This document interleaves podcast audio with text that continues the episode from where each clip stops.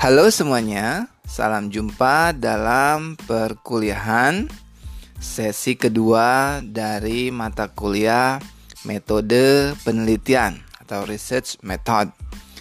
Oke, saya berharap semoga kawan-kawan semua senantiasa semangat dalam mengikuti perkuliahan secara daring atau secara online ini dan juga senantiasa tetap menjaga kesehatan.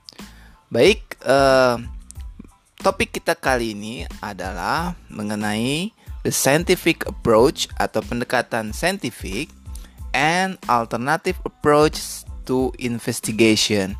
Jadi, topik kita ya kali ini membahas tentang pendekatan saintifik maupun pendekatan-pendekatan alternatif lainnya dalam melakukan suatu kajian penyelidikan atau dalam hal ini penelitian. Ada beberapa tujuan pembelajaran yang hendak dicapai dalam uh, sesi kita kali ini, sebagaimana terlihat dalam slide kedua. Tujuan pembelajaran kita yang pertama adalah kita akan mampu menjelaskan apa sih makna dari investigasi saintifik.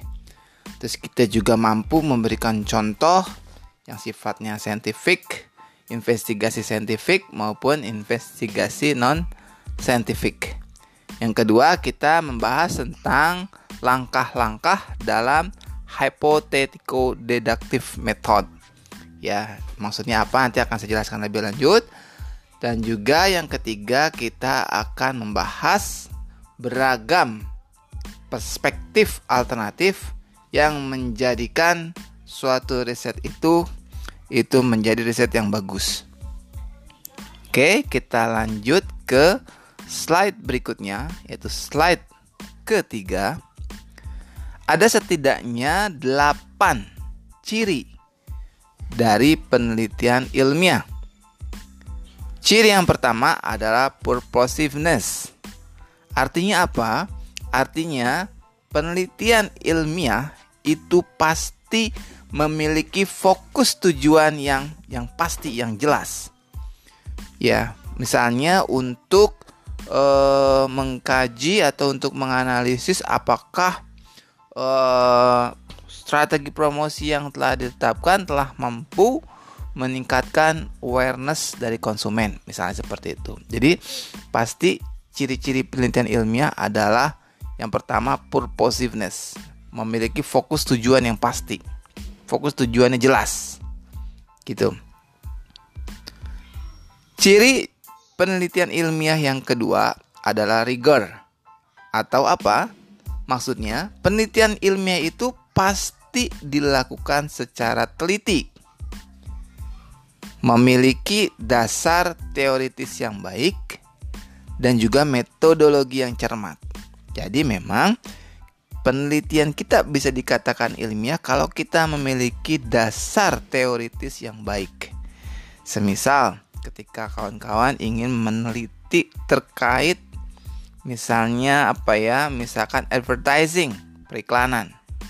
Dasar teoritis advertising itu apa? Apa sih advertising itu sendiri? Gitu ya. Sebagai komunikasi non personal kan gitu. Ya kan ya. Bagaimana kita bisa menyampaikan informasi tentang keunggulan-keunggulan produk kita, ya kita bisa membujuk, merayu kepada uh, audiens kita agar kemudian tertarik untuk membeli. Dan tentu saja penelitian itu didukung oleh metodologi yang cermat. Ya, cara ngambil datanya gimana, respondennya siapa, gitu ya, dan lain sebagainya. Ciri penelitian ilmiah yang ketiga adalah testability. Artinya apa? Artinya penelitian ini dapat diuji hipotesisnya. Tentu saja hipotesis yang disusun berbasis pada teori gitu. Jadi kita tidak bisa menyusun hipotesis tanpa adanya landasan teoritis yang kuat. Oke? Okay? Ciri penelitian ilmiah yang keempat adalah replicability. Artinya apa? Dapat dilakukan studi ulang. Jadi katakanlah misalkan si A telah melakukan penelitian efektivitas advertising yang dilakukan oleh perusahaannya. Maka apabila si B mengetahui dengan jelas metode yang digunakan oleh si A, maka si B dapat melakukan studi yang sama. Dapat dilakukan studi ulang. Gitu, ya. Ciri penelitian ilmiah yang kelima adalah precision and confidence. Apa maksudnya dari precision atau presisi? Presisi, presisi di sini maksudnya adalah kedekatan temuan temuan hasil research dengan realitanya berdasarkan sampel yang ditarik. Karena kita dalam melakukan penelitian tentu saja memerlukan adanya penarikan sampel di dalam populasi. Yang berikutnya adalah tadi confidence atau keyakinan. Hal ini terkait dengan probabilitas bahwa estimasinya benar. Maka, dalam penelitian ilmiah, kita kerap menentukan berapa selang kepercayaan kita, berapa confidence interval kita. Seperti itu, khususnya pada research yang berbasis kuantitatif.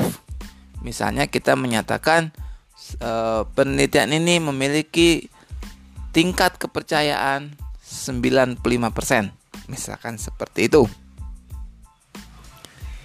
Ciri yang keenam adalah objectivity. Artinya, penelitian ilmiah yang dilakukan itu mengacu kepada atau berdasarkan pada fakta-fakta dari temuan yang berasal dari data aktual. Jadi objektif, datanya seperti itu, apa adanya datanya empiris, datanya valid. Ya, jadi kita melakukan penelitian berdasarkan ya fakta yang memang berasal dari data. Data yang seperti itu, apa adanya datanya. Maksudnya apa adanya adalah data yang yang valid, data yang terukur, data yang bisa berasal dari data primer maupun data sekunder dari sumber yang terpercaya. Ciri penelitian ketujuh, ciri penelitian ilmiah yang ketujuh adalah generalizability. Artinya bisa digeneralisir. Maksudnya, semakin luas jangkauan penerapan solusi dari suatu research, dari suatu penelitian, maka akan semakin bermanfaat penelitian tersebut bagi pengguna. Jadi misalnya dilakukan tadi eh, penelitian terkait marketing misalnya ya. Maka ketika dilakukan research dengan sampel misalnya 100 orang diharapkan bisa digeneralisir bahwa 100 orang di wilayah tertentu di wilayah X bisa bisa diterapkan untuk seluruh uh, target market di wilayah X tadi. Gitu. Dan yang kedelapan, ciri-ciri penelitian ilmiah adalah parsimony. Ini terkait dengan simplicity atau sederhana gitu ya. Sederhana dalam menjelaskan fenomena atau masalah yang terjadi dan dalam menghasilkan solusi. Misalnya begini. Uh, awareness dari konsumen misalnya ya di ditentukan atau dipengaruhi oleh misalnya advertising yang telah dilakukan perusahaan itu sebesar misalnya 40%. Hal ini tentu akan menjadi lebih baik dibandingkan ketika misalnya oh eh, yang menentukan awareness konsumen itu eh, advertising, misalnya endorser, misalnya eh, PR dengan eh, besar pengaruhnya misalkan 45%. Jadi lebih parsimoni yang pertama tadi ditentukan hanya dari advertising sudah bisa membentuk awareness konsumen sebesar 40% dibandingkan 45% tadi ditentukan oleh tiga variabel. Jadi simplicity ya. Sederhana. Itu ciri-ciri penelitian ilmiah. Baik, kita lanjut ke slide berikutnya yaitu slide uh, ke 4. Di sini kita membahas tentang the hypothetical deductive method. Maksudnya gimana sih? Maksudnya ini adalah metode deduktif penyusunan hipotesis. Ada tujuh tahapan sebetulnya ya yang bisa dilakukan terkait metode ini. Yang pertama, tentu kita harus bisa mengidentifikasikan area masalah yang luas. Misalnya di perusahaan, wah, uh, sales kita pada tiga tahun terakhir mengalami penurunan. Ya, nah dari situ kemudian poin keduanya adalah definisikan pernyataan masalah. Oh, salesnya perusahaan kita trennya turun nih tiga tahun terakhir. Apakah ini disebabkan misalnya ya oleh uh, oleh misalnya loyalitas pelanggan yang menurun. Di mana loyalitas pelanggan ini ditentukan oleh kepuasan pelanggan. Jadi kita bisa definisikan bahwa oh, apakah kepuasan pelanggan itu memiliki pengaruh terhadap loyalitas? Apakah eh, seperti itu? Jadi kita definisikan masalahnya, kita nyatakan masalahnya secara lebih spesifik dari area masalah yang luas tadi. Yang ketiga, tentu kita kembangkan hipotesis. Tadi sudah dijelaskan bahwa kalau kita berbicara hipotesis harus berbasis pada landasan teoritis yang kuat. Teorinya bilang bagaimana? Apakah kepuasan pelanggan dapat berpengaruh terhadap loyalitas pelanggan? Bagaimana kita bisa uh, kemudian baca, kita pelajari teori-teori yang membahas tentang kepuasan pelanggan. Seperti itu. Tentu setelah kita mendapatkan adanya dukungan teori yang memadai, kita bisa menyusun hipotesis bahwa oh ya, kepuasan pelanggan ini akan berpengaruh signifikan terhadap loyalitas pelanggan. Setelah kita nyatakan hipotesis tersebut, maka langkah berikutnya adalah tentukan langkah-langkah pengukurannya. Maksudnya gini, bagaimana kita mengukur kepuasan pelanggan? Seperti itu. Bagaimana cara kita mengukur kepuasan pelanggan?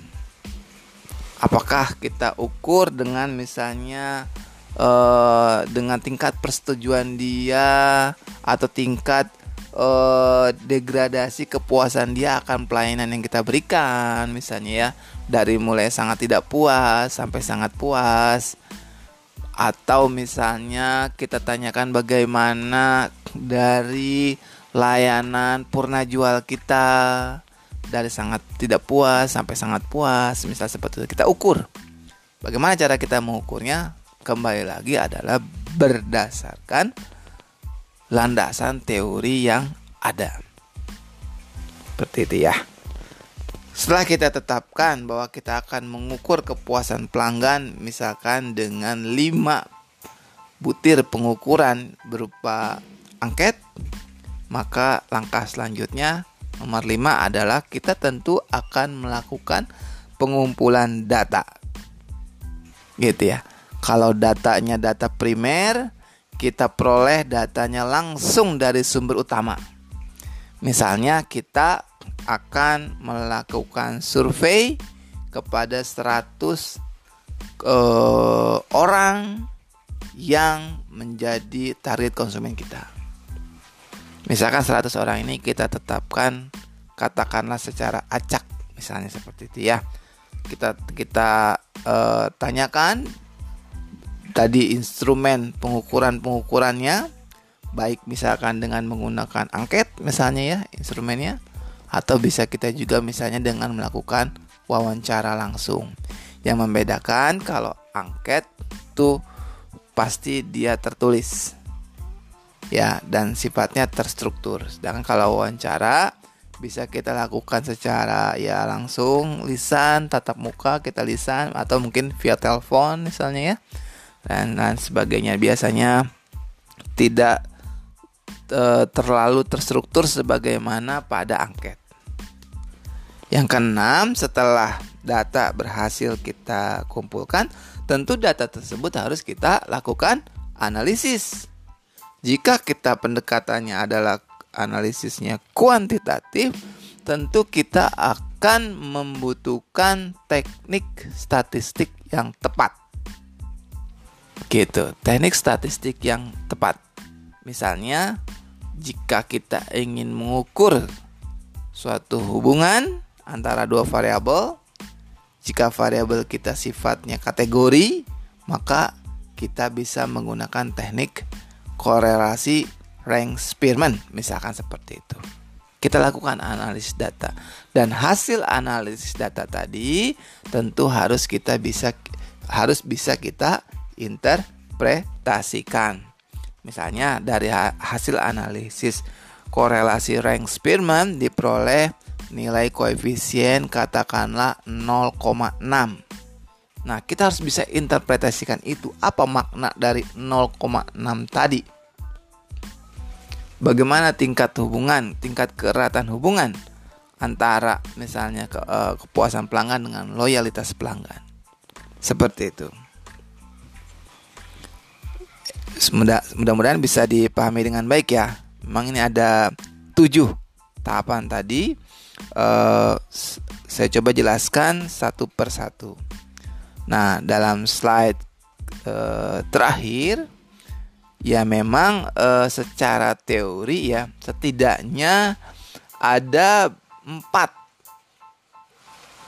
cara pendekatan alternatif yang berbeda dalam melakukan research. Jadi istilahnya ini uh, empat pendekatan ini ya boleh dikatakan empat mazhab yang berbeda lah gitu ya dalam melakukan research. Yang pertama yang dikenal dengan namanya positivism atau positivisme gitu ya. Maksudnya apa? Maksudnya bahwa dalam pandangan positivis atau orang yang menganut mazhab positivisme dalam pandangan positivis tentang dunia tentang dunia ini gitu ya bahwa sains dan Penelitian yang sifatnya ilmiah dipandang sebagai cara untuk mendapatkan suatu kebenaran. Wah, berat nih ya. Jadi eh, orang-orang yang menganut paham positivisme ini percaya bahwa ada kebenaran objektif di luar sana. Jadi sehingga untuk memahami dunia ini untuk dapat memahami dunia dengan cukup baik dapat dia dapat memprediksi, dapat melakukan prediksi, perkiraan. Gitu. Bagi seorang positivis, jadi dunia ini beroperasi berdasarkan hukum sebab akibat. Gitu ya. Jadi kalau misalnya price-nya, misalkan price-nya naik, harga suatu barang naik, permintaannya gimana? Kalau harga satu barang turun, permintaannya gimana? gitu ya kan ada law-nya ada hukumnya di situ. Hukum permintaan misalnya. Kalau kita di ekonomi gitu ya. Nah memang bagi seorang positivis hukum sebab akibat tadi adalah e, tentu saja menggunakan pendekatannya biasanya adalah eksperimen jadi dia melakukan eksperimen untuk menguji hubungan sebab akibat melalui manipulasi dan juga pengamatan. Jadi dimanipulasi misalnya apakah benar kalau konsumen uh, suatu produk dikemas dengan ukuran kemasan yang lebih besar ya akan menciptakan minat beli lebih besar. Jadi dilakukan eksperimen. Misalnya gini ada dua kelompok. Kelompok yang pertama diberikan misalnya produk dengan gambar apa dengan kemasan misalnya ukuran uh, misalnya 10 dikali 10 misalnya ya. Sedangkan kelompok kedua dikasih produk dengan kemasan berukuran misalnya 6 dikali 6 cm. dengan isinya sama, berat isinya, volume isinya sama, yang membedakan hanya kemasannya saja. Nah, kemudian ditanya dengan seperti ini minat belinya seperti apa? Itu seperti eksperimen. Jadi ada manipulasinya dan ada pengamatannya diamati. Dua kelompok ini memberikan uh, penilaian minat belinya bagaimana. Gitu ya. Nah, ya, yang untuk yang kedua yang disebut dengan constructivism ya. Jadi maksudnya apa? Kaum konstruksionis ini, konstruksionisme ini ya. Dia tidak mencari kebenaran objektif. Ini kebalikannya ya, kebalik. Orang-orang uh, konstruksionisme itu kebalikan dari orang-orang yang positivism. Bahwa dia kalau positivism kan mencari truth, mencari kebenaran, benar bahwa misalnya uh, kebenaran bahwa dengan apa dengan lakukan eksperimen di, disebabkan uh, ukuran misalnya kemasan suatu produk lebih besar menyebabkan minat belinya lebih tinggi misalnya begitu. Nah, untuk paham yang kedua ini dia tidak mencari kebenaran objektif. Mereka bertujuan untuk memahami aturan yang digunakan orang untuk memahami dunia dengan menyelidiki apa yang terjadi dalam pikiran orang. Maksudnya gimana sih? Nah, memang untuk yang kaum konstruksionisme ini biasanya sifatnya kualitatif. Dia melakukan eksplorasi gitu ya. Melakukan melalui fokus group discussion, diskusi berkelompok, melalui wawancara tidak terstruktur sehingga mereka bisa mendapatkan informasi dapat meng, uh, dapat mendapatkan data yang kaya.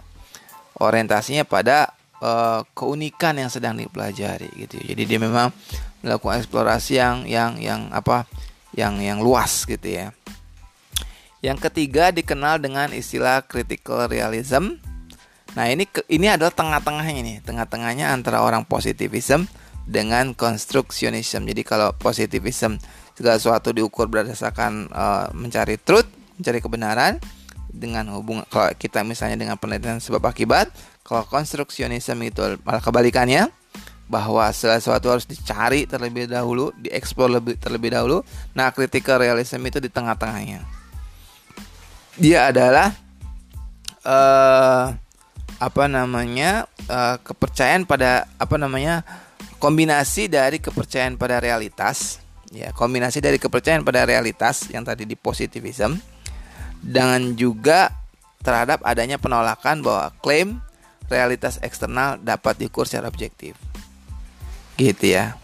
Misalnya bahwa pengamatan terhadap fenomena di sekitar kita seperti kepuasan pelanggan motivasi kerja gitu ya apa minat beli pelanggan gitu kan itu tidak dapat kita ukur secara langsung.